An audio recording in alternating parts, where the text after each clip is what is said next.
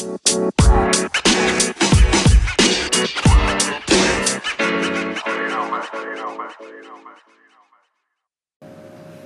everyone, welcome back to my podcast, Under Sofyan Podcast. Pertama gue ngucapin Happy New Year 2021. Eh, semoga di tahun yang baru ini eh, kita semua lebih bisa baik lagi di pekerjaan, di karir, di kehidupan. Pokoknya stay safe, stay happy, stay alive. Eh, gue udah banget nih nggak podcast, nggak nggak bikin podcast, jadi Eh, mudah-mudahan 2021 bakal lebih konsisten juga sih. Berharapnya em, bakal lebih rajin bikin podcast. Jadi kita langsung aja nih gue bakal em, ngomongin sedikit review dan preview. Eh, jadi dari sisi manajemen sama dari segi squad ya. Gue bakal mulai dari sisi manajemen sih. Uh, in term manajemen kalau per katakanlah per 30 Desember itu kan biasanya kayak lo bikin laporan akhir tahun gitu. Uh, baik to uh, rapat pemegang saham yang lalu Juventus tuh punya beberapa target uh, di di bidang finance. Um, beberapa hal yang udah dijalanin so far gitu um, payroll sih gajian uh, Juventus tuh beban gaji tuh turun. Kalau di, di season sebelumnya 294 juta per tahun uh, di season ini turun menjadi 236 juta. Uh, pencapaian yang sangat yang cukup baik sih menurut gue walaupun ada PR-nya bahwa pemain-pemain yang gajinya tidak dibayar tahun ini di summer tahun depan bakal balik unless mereka dibeli sama klub-klub yang sekarang lagi dipinjemin kayak Desilio, Di Lyon, terus Rugani, Di Rennes, terus um, Douglas Costa di di Bayern gitu apakah mereka akan balik ke Juventus atau mereka akan benar-benar for good gitu di- dibeli sama tim lain? Yaitu PR sih. Tapi so far ya oke turun 60 juta beban gajinya.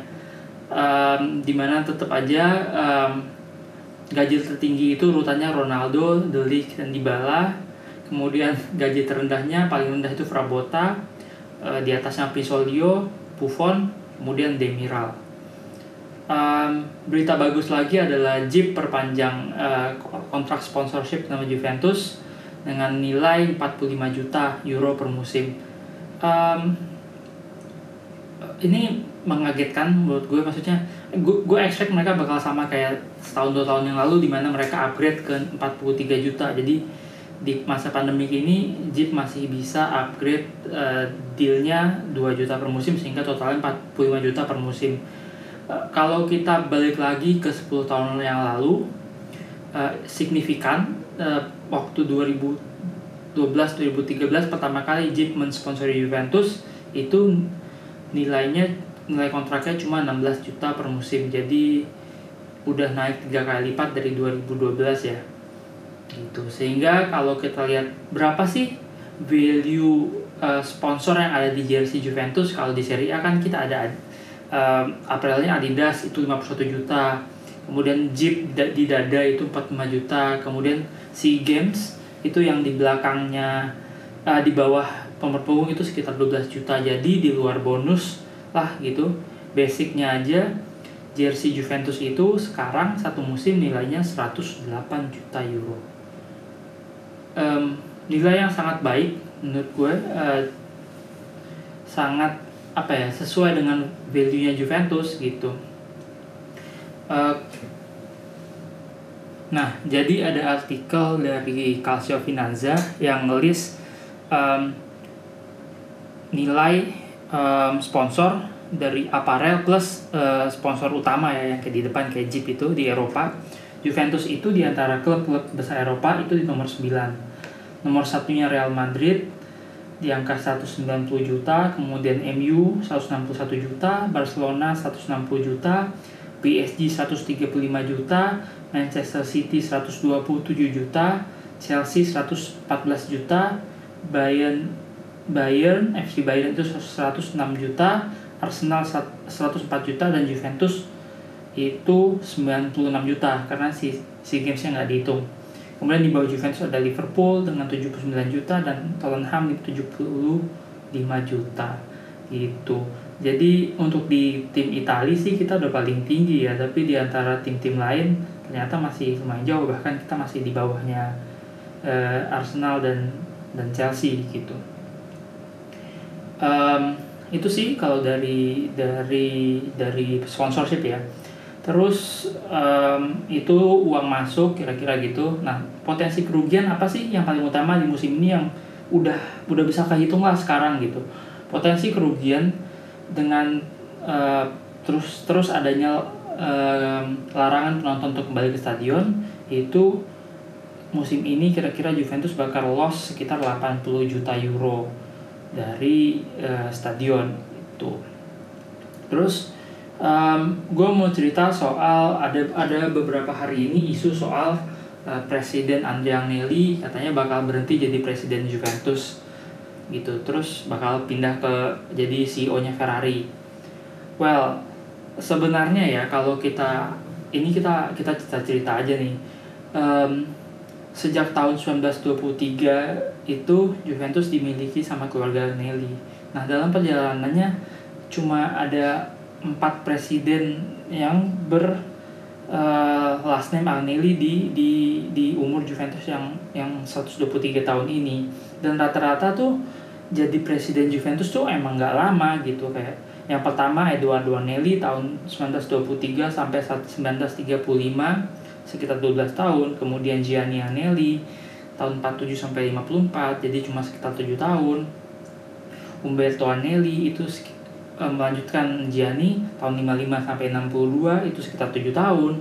Kemudian baru Andrea Agnelli ini di tahun 2010 sampai sekarang. Jadi so far udah 11 tahun. Jadi hampir hampir bis me, hampir sama dengan um, umur um, buyutnya jadi presiden gitu Eduardo Agnelli 12 tahun. Uh, ya sebenarnya layaknya perusahaan pada umumnya ya. Memang CEO, CEO atau presiden atau CEO lah gitu memang biasanya nggak ada yang sampai puluhan tahun gitu ya. Jadi emang emang sebenarnya kalau ada isu-isu ini sih wajar-wajar aja gitu.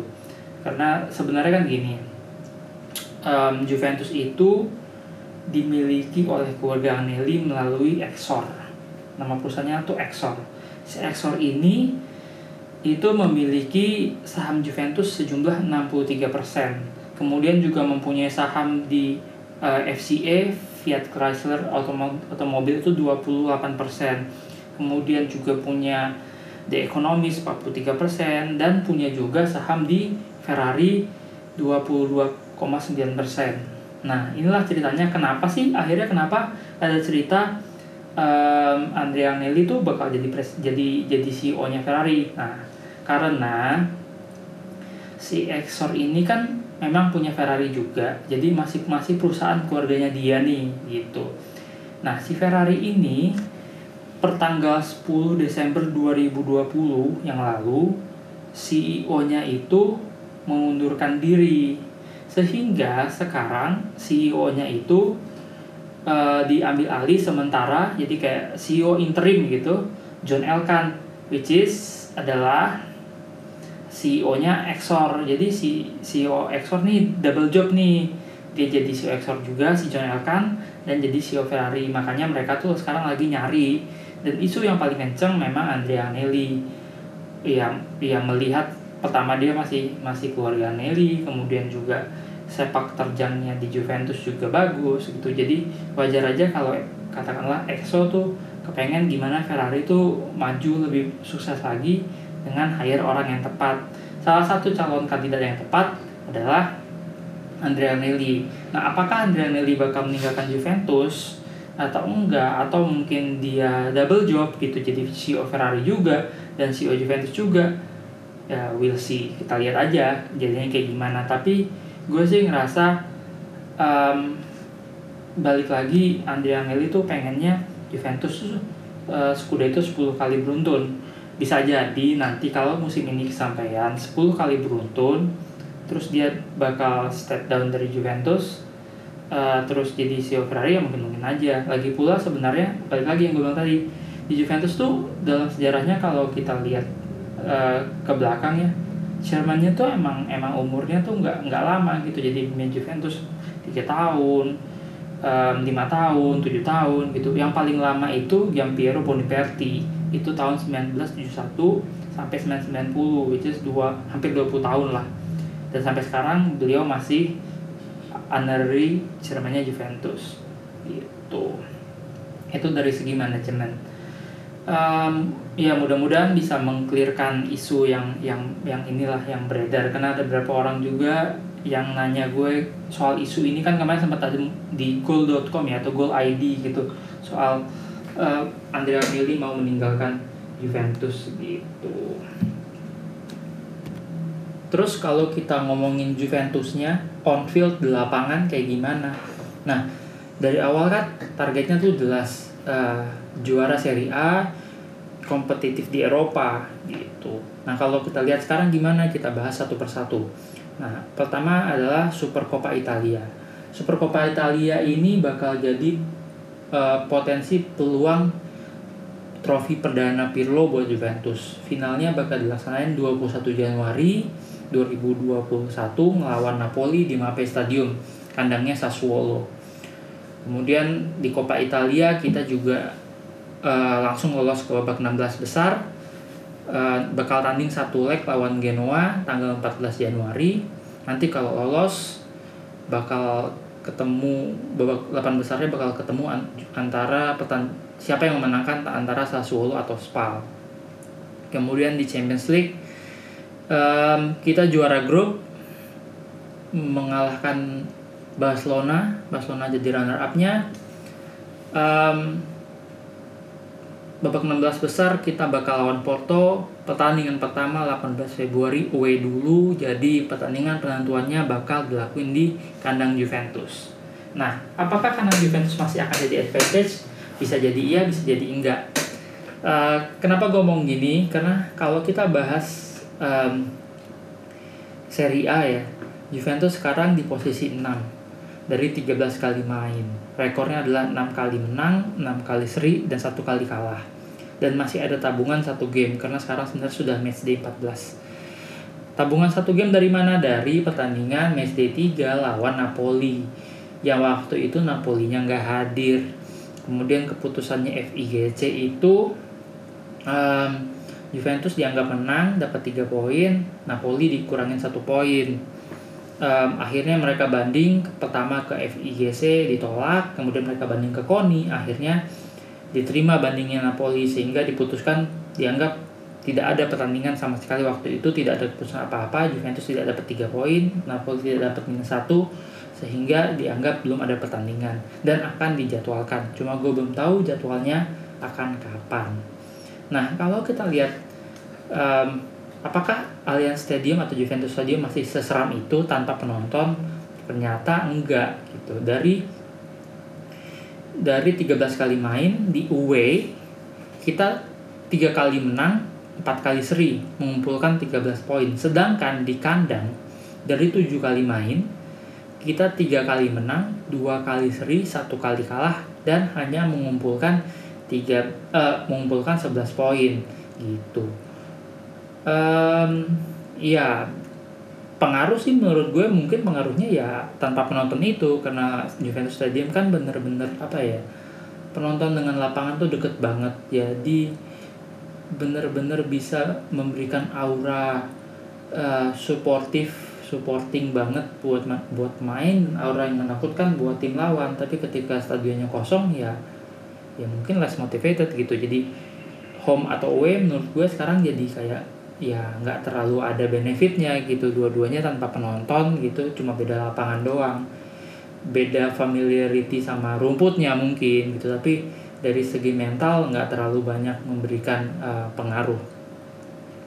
Gitu bahkan uh, misalnya di Champions League Juventus kalah lawan Barcelona di kandang tapi kemudian membantai Barcelona 3-0 di kandangnya Barcelona. Jadi apa sih masalahnya Juventus menurut gue so far nomor satu konsistensinya eh, nggak uh, ada. Jadi lack of konsistensi jadi kita lihat uh, dari 13 pertandingan kita memulai liga dengan kemenangan 3-0 yang sangat meyakinkan melawan Sampdoria. Tapi kemudian di pertandingan terakhir kalah 3-0 dengan amat sangat tidak meyakinkan melawan Fiorentina. Pemain tuh kayak nggak ada di lapangan fokusnya entah ke mana-mana. Gitu um, kalau tanya match favorit gue apa gue banyak suka Barca Juventus sama Parma Juve sih. Um, di situ bener-bener kelihatan Juventus yang um, kepengen menang kepengen main gitu di antara pertandingan-pertandingan lainnya gitu. Pemainnya tuh bener-bener kayak cair tahu apa yang mesti dilakuin kayak gitu gitulah nah um, menghadapi Januari gimana nih? Jan Januari ini padat banget loh. Januari Juventus tuh bakal punya 8 games dalam satu satu bulan. Jadi kayak setiap tiga hari sekali bakal main. Ya, selain ada Coppa Italia dan Super Coppa di Liga lawannya cukup berat. Juventus bakal ngelawan tim posisi 1 Milan, kemudian tim posisi 2 Inter, kemudian lawan tim posisi 4 Sassuolo dan bisa jadi kalau misalnya diselipin juga ada pertandingan lawan Napoli berarti Juventus yang di posisi 6 ini ngelawan posisi 5 Napoli jadi Juventus bakal ngelawan 4 top tim di atasnya Juventus di klasmen sementara um, cobaan terberat menurut gue kalau masih belum konsisten um, kerja keras banget Pirlo buat buat mewujudkan target yang dibebankan sama manajemen gitu. So far yang paling konsisten tuh cuma cuma Sesni menurut gue ya Sesni konsisten, The konsisten, Cristiano Ronaldo konsisten dan um, Danilo konsisten. Sisanya um, oke okay, tapi yang lumayan parah menurut gue Bonucci Bonucci itu masalahnya udah nggak konsisten mungkin udah tua juga gitu ya emang udah saatnya Juventus regenerasi kemudian uh, juga nggak nggak sembuh sembuh gitu. Um, Cuadrado ini in a way umpannya mantap gitu. Tapi ya itu kayak lawan Fiorentina tuh konyol gitu. Um, ya nggak bisa juga sih kita berharap banyak juga sama Cuadrado harusnya gitu. Memang memang sudah saatnya mencari mencari pemain yang lebih lebih muda. Gue gue envy sama sama wingback wingbacknya yang di atau fullback fullback yang dimiliki sama Inter sama Milan um, by heart ya. Karena karena kenapa sih Juventus nggak bisa gitu cari pemain yang muda dan dan bertalenta kayak gitu gitu. Um, justru pemain mudanya juga somehow belum konsisten kayak Bentancur musim lalu menurut gue jauh lebih bagus dibanding musim ini. Musim ini sama sekali belum bisa ngontrol ini tengah. Rabiot Arthur juga masih ya sama soal konsistensi sih sebenarnya semua. Jadi kayak kalau setiap formasi tuh hampir pasti ini Pirlo bakal taruh kipernya Ted kemudian di belakang Delik uh, Danilo terus Bonucci terus di tengahnya atau di kanan Cuadrado. Sisanya sisa, sisanya belum tahu. Kemudian taruh Ramsey kemudian um, Morata sama Ronaldo. Nah tengahnya ini yang masih bolak-balik di gonta ganti. Apakah ini mempengaruhi konsistensi juga apa enggak? Ya bisa jadi gitu. Tapi ya ya itu resikonya waktu Juventus memilih Pirlo yang ya yang masih newbie. Tapi ya mencari pelatih yang mau digaji amat sangat murah untuk level um, level kerja keras gitu ya. Maksudnya memang nggak termurah di Serie A tapi untuk melatih Juventus yang punya target juara di banyak kompetisi gajinya Pirlo tuh termasuk rendah gitu. Jadi nyari pelatih yang yang yang mau dapat kerjaan dengan uh, job desk yang seberat itu mungkin emang gak gampang juga. Jadi ya ya kita lihat aja Juventus gimana di Januari ini. Menurut gue apa pun yang kejadian di Januari ini menjadi gambaran sangat besar bagaimana nasib Juventus di akhir musim gitu. Um, dari gue gue rasa itu dulu. Jangan lupa weekend ini Serie A udah mulai lagi. Juventus Senin pagi lawan Udinese di kandang kita. Um, untuk pertama kalinya pemain Juventus available semua kecuali yang kena kartu ya. Maksudnya in term of sehat sehat semua. Biasanya selalu ada yang cedera ada yang ada yang kesleo lah ada yang covid lah. Mudah-mudahan sehat terus. Juga ya semakin konsisten pemain juga tidak ada yang tidak ada yang cedera parah tidak ada yang kena virus gitu. Karena nampaknya virus covid di Eropa mulai mulai apa ya mulai tambah parah lagi gitu. Beberapa pemain di uh, eh, EPL dan Serie A um, sudah mulai ada yang kena covid lagi gitu. Sampai Frosinone kemarin hampir lebih dari separuh timnya yang uh, terpapar covid gitu. Ya pokoknya um, ya kita lihat aja gimana mudah-mudahan Januari trofi perdana udah bisa dapetin di Super Copa karena menurut gue itu bakal melegakan buat Pirlo dan mengangkat sedikit bebannya Pirlo sehingga dia bisa lebih santai bisa lebih fokus untuk menentukan um, starting line up-nya gitu ya menurut gue. Oke, okay, uh, terima kasih semuanya sudah mendengarkan. Jangan lupa di follow dan di share. Um, kalau ada pertanyaan silahkan uh, mention gue aja di Twitter atau Instagram at Sofian. Sampai ketemu di episode berikutnya. Dan kalau um, kalian masih ada juga punya topik-topik yang pengen gue bahas gitu. Kayak kemarin soal soal soal Andel Nelly ini lumayan banyak yang nanya sama gue makanya gue bahas. Uh, jangan sungkan-sungkan. So Forza Juve ciao